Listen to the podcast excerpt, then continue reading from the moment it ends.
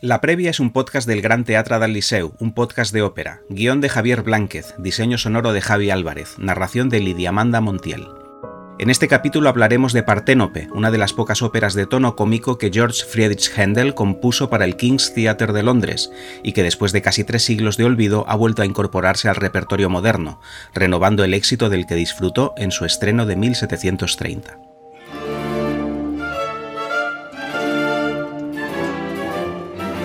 A principios del siglo XVIII, la ópera se había consolidado plenamente como el principal espectáculo de las grandes ciudades de Europa. Triunfaba en Venecia, Roma, Viena, Londres y París, y su alcance llegaba a todas las capas sociales de la época. En los teatros públicos se mezclaban la aristocracia y la plebe, y tanto era el interés del público que se habían formado dos grandes géneros que dominarían el género durante más de un siglo, la ópera seria y la ópera bufa. La ópera seria trataba sobre temas mitológicos y militares. Sus protagonistas eran dioses y héroes de la antigüedad, figuras principales del Imperio romano y reyes de Asia. La ópera bufa, en cambio, presentaba personajes populares y sus historias eran comedias de enredo que divertían a un público fundamentalmente plebeyo. Los dos tipos de ópera coexistían. Los compositores escribían música para historias bufas y serias por igual, pero el prestigio de los dos géneros no era el mismo. La ópera seria era la que establecía el estándar de calidad y recibía el respeto de papas, reyes y príncipes. La ópera bufa, por el contrario, no era más que un espectáculo para las masas vulgares. Es importante que marquemos esta distinción, porque Parténope fue una obra peculiar en su momento, y actualmente es uno de los pocos ejemplos que aún se representan de lo que podíamos llamar una ópera semiseria. O dicho de otra manera, es una historia de reyes y guerreros de la antigüedad, pero con un argumento ligero y un desarrollo propio de lo que hoy llamaríamos comedia de enredo. Esta circunstancia es importante, porque explica bien la fortuna que obtuvo Parténope en su día, y a la vez por qué durante tanto tiempo ha sido una ópera olvidada. Nos lo explica Javier. La coloratura. La coloratura. La ópera en Londres a principios del siglo XVIII era un asunto privado y los interlocutores de Händel no eran ni la nobleza ni la casa real, sino empresarios y dueños de teatros que buscaban sacar un beneficio de los estrenos. Händel decidió escribir una ópera a partir de un libreto popular de Silvio Stampiglia que llevaba tiempo circulando y que le parecía gracioso.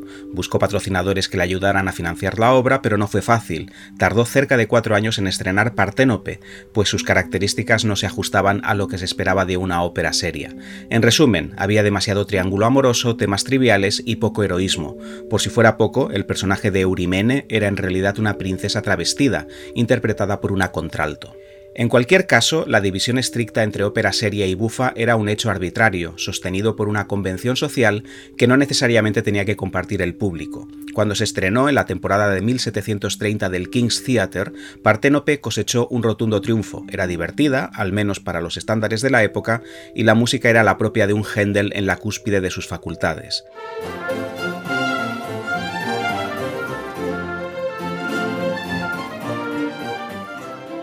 Parténope se enmarca en el periodo de madurez del compositor, una década larga, cuando estaba entre los 40 y los 50 años, en la que había creado muchas de sus óperas principales, Giulio Cesare in Egipto, Rodelinda, Admeto. En Parténope cambió el tono, de serio a cómico, pero no su toque maestro de composición, que ofreció aquí algunas de sus áreas más equilibradas.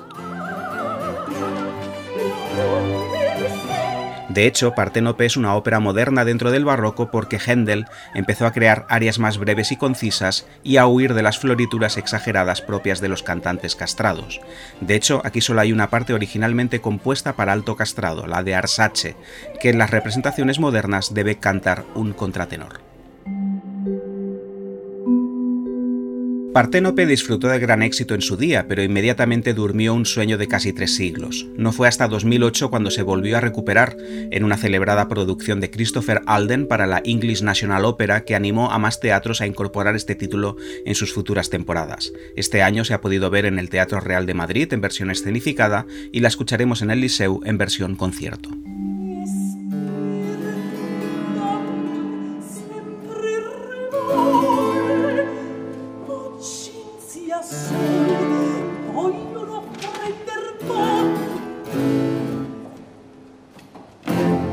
Los argumentos de las óperas barrocas suelen ser enrevesados, una circunstancia de la que Parténope no es una excepción.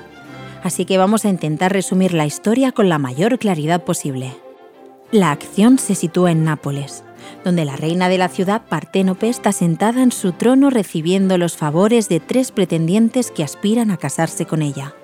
Por una parte tenemos al príncipe de Rodas, Armindo, que está profundamente enamorado de Parténope pero al que la reina ignora, ya que prefiere al segundo candidato, Arsace, el príncipe de Corinto.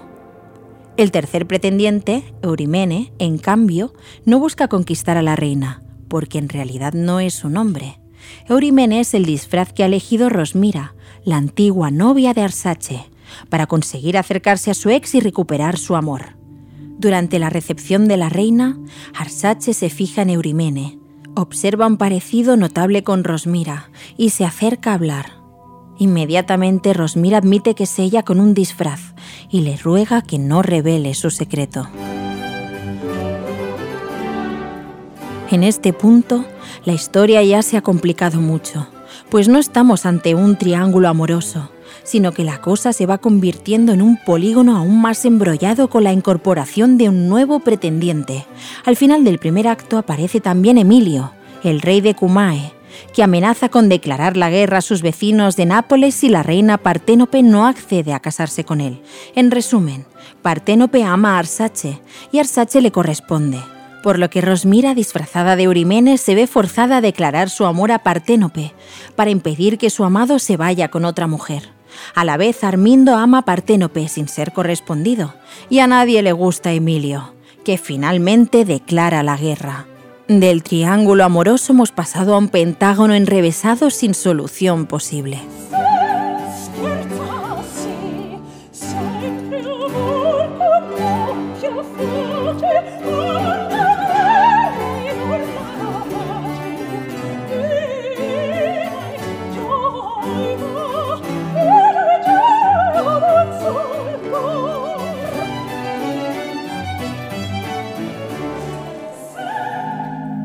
¿Cómo se resuelve este gran embrollo de amores cruzados? No va a ser fácil. En el segundo acto se describe la lucha entre las tropas de Parténope y Emilio. El ejército de la reina lo comanda Arsace y finalmente la batalla se decanta del lado de Nápoles. Emilio es capturado y llevado ante Parténope. Arsace traslada al prisionero ante la reina, pero Rosmira, que recordemos sigue disfrazada de hombre, afirma que ha sido ella quien lo ha capturado. Miente para evitar que Parténope siga otorgando favores a su amado. Arsace decide entonces retar a Rosmira a un duelo, a la vez que empieza a notar que su atracción por la reina decae y se vuelve a encender el amor por su ex. El gran lío se soluciona en el tercer acto. Rosmira y Arsace se citan para el duelo, pero él, que ha vuelto a enamorarse, no quiere pelear con la mujer que ama. De modo que se inventa una artimaña para descubrir que quien se esconde debajo de Eurimene es una mujer. Solicita que el duelo sea pecho descubierto, de modo que Rosmira se ve obligada a desnudarse y revelar su verdadera identidad. Una vez descubierto su secreto, Arsace le confiesa su amor renovado y renuncia a conquistar a Parténope. La reina, por tanto, se ha quedado sin su candidato preferido, así que acepta casarse con el hombre que de verdad le ama el príncipe Armindo.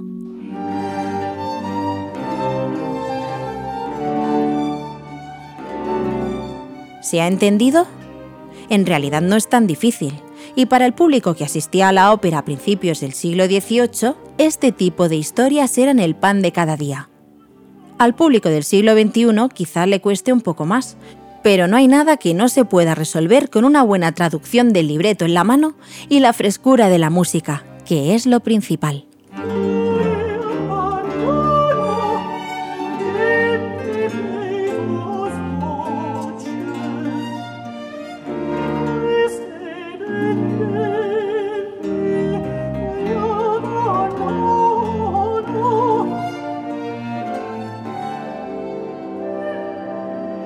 El primer contacto que cualquier aficionado a la música tiene con la obra de Händel suele ser a través de sus composiciones orquestales, como las tres suites de la música acuática o la música para los reales fuegos de artificio. Por supuesto, también están los fragmentos más populares de su oratorio, el Mesías, como el Aleluya, pero en el momento en el que profundizamos en su extensa producción, comprobamos que estamos ante un tesoro y que lo mejor está escondido.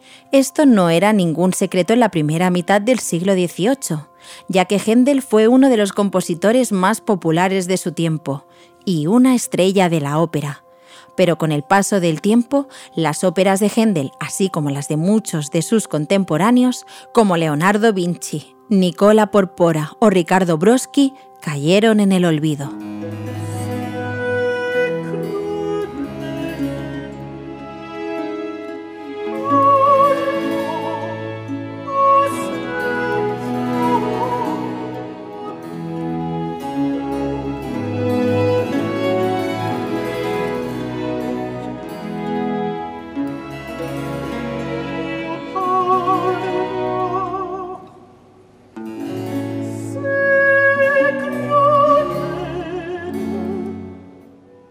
El proceso de recuperación de la ópera barroca no se dio de manera extensa hasta bien entrada la década de los 70 del siglo XX, cuando poco a poco empezaron a rescatarse títulos que no se habían interpretado desde su estreno, más de 200 años atrás.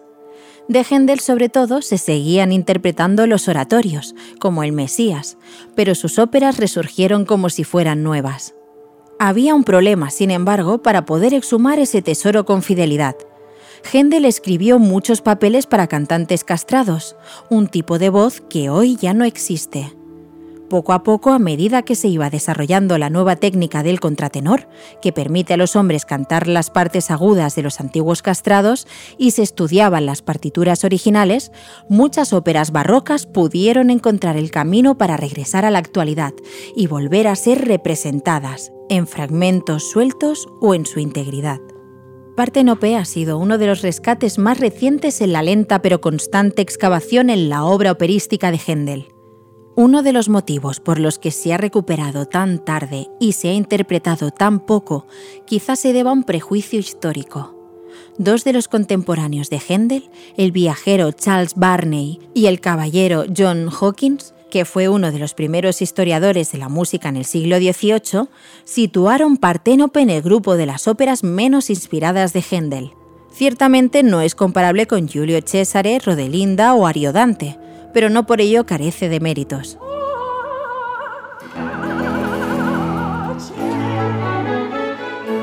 Parténope es una obra fresca, muy equilibrada para su época.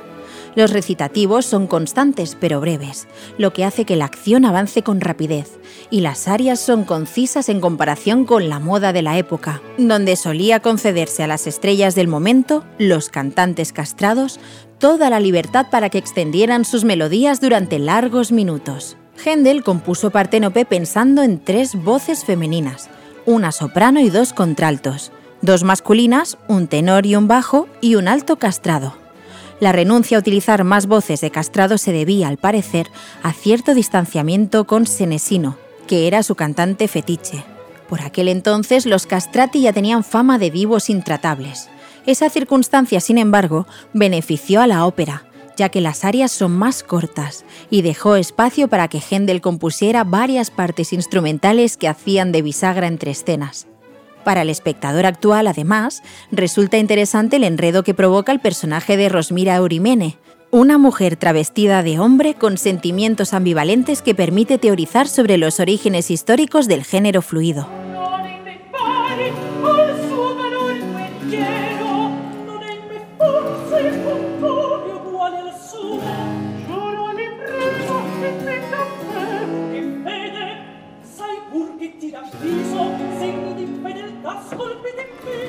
En el Liceo escucharemos Parténope en versión concierto de la mano del maestro William Christie, uno de los mayores expertos mundiales en las óperas de Händel, y que dirigirá a su conjunto de música antigua, Les Arts Florissants, y a un grupo de voces jóvenes que este año han ganado los premios principales del concurso de canto Jardin du Bois, Ana Vieira Leite, Hugh Cutting, Alberto Miguelez Rouco, Jacob Lawrence, Helen Charleston y Mathieu Valenhic.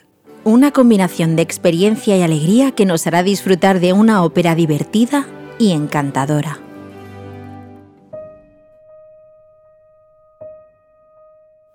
Y hasta aquí la previa de Parténope, un podcast que pretende complementar y enriquecer las óperas del Liceu, producido por 93 metros y con la participación del Gran Teatre del Liceu.